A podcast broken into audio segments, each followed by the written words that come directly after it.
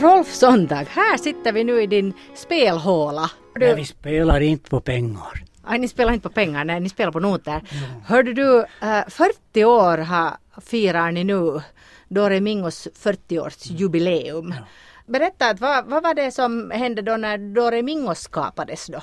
Det var så att Ingo spelmaskiner hade skapats 1974. Och det, det, det är jag med och inblandad i. Det var Fjalar Högström som började med det. Och, och så frågade han mig om, om vi skulle kunna eventuellt starta ett spelmaskin. För det var så populärt i Österbotten då, den tiden. Och så blev det så att fyra år senare så, så kom det, eller jag ville egentligen ha ungdomar med i spelmaskinen. Och då tänkte jag att hur skulle det vara om man skulle tänka en ungdomsgrupp här i Ingo? Och, och så blev det att 78 bildades då Ingo ungdomsorkester. Det var så Dore Mingo hette alldeles i början? Jo, den hette så från början. Sen senare fick den namnet Dore Mingo. Dore Mi är ju sångskalan. Och ännu i denna dag så är här sex stycken av nio som sjunger. Att det, det är mycket sångbetonat, Dore Mingo.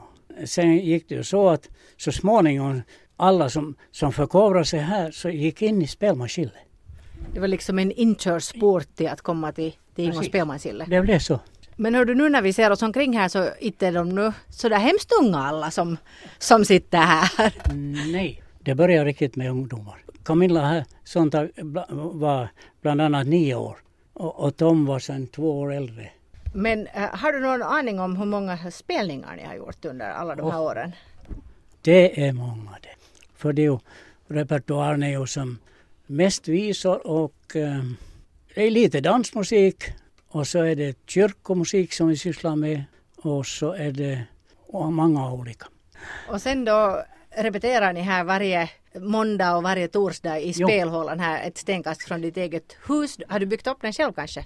Jo, den är byggd för det här egentligen. Här är ett pumprum i samma hus. Men pumpen ska vara tyst då. Men hördu, du har kört in en hel del ungdomar in i musikens värld här under årens lopp. Ja, visst, visst. Har det varit alltså en hjärtesak för dig just, just det? Jo, det är en lindrigare sjukdom. Det, det, kan jag nog säga. Och, och behovet tycks finnas. Men hör du, hur länge orkar du ännu då? Åtminstone idag. och, och, och åtminstone till jubileet som ni ska ha. Berätta lite om det också. Ja, ja. Vi har eh, gäster med, det är Ingo Spelmanskiller som är med och sen The Hops folkmusiktrio som är mycket anlitade här nu. Men alltså ni kommer då att fira era 40 år på Ingbohed i Täkter, Ingo. Och, och, vad kommer då att hända där? Först ska det bli en konsert och sen, eh, sen blir det dans efter. Men hördu, hur är det nu om man skulle nu plötsligt vilja komma med och spela med er i Doreming? Och finns det sådana möjligheter också för nya unga kanske aspiranter? Visst, visst finns det det. Det, det är klart att det går det. För det är inom Ingo MBI det här.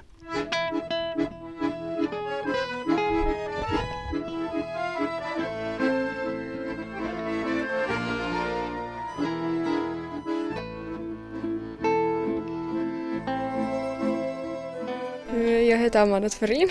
Jag sjunger och spelar xylofon och perkussion. Hur, hur kom det sig att du, att du bestämde att nu vill du vara med i en orkester? No, alltså det min mamma berättade om det och jag, jag har alltid tyckt om musik så jag tänkte bara att det skulle vara en bra idé. Nu har det varit en bra idé så här när man ser tillbaka.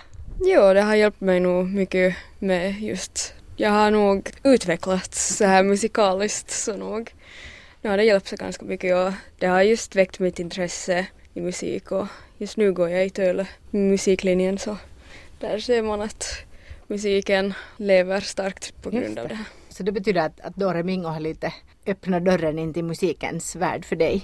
Jo, det har nog, det var en av de första egentliga som jag någon gång spelat tillsammans med andra människor så men hör du, eh, det är ju på det sättet en lite speciell orkester det här att ni har då omkring 60 år, mer än 60 eh, så här åldersspektrum mellan de yngsta och de äldsta. Hur funkar det tycker du?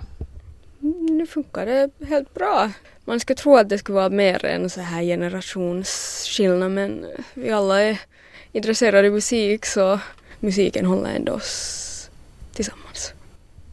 Och Rolf han har lyckats få musiken planterad i alla sina familjemedlemmar också för han har till och med sitt barnbarn med i orkestern. Mitt namn är Benjamin Backman och jag har nu varit med i Doremingo ända sedan jag var riktigt liten. Fem år, så egentligen hela mitt liv här.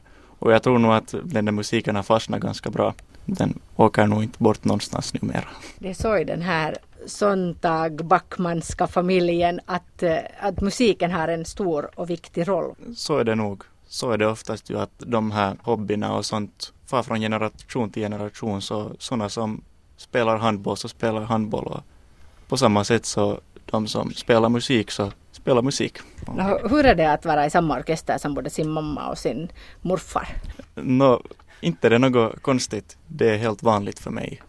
Tänker du dig också musik som kanske rent av en stor del av, av din framtid? Jag hoppas nog det. Och det skulle nog vara min dröm om man så kan säga. Man måste alltid komma ihåg att musik ska vara roligt, som Uffa säger.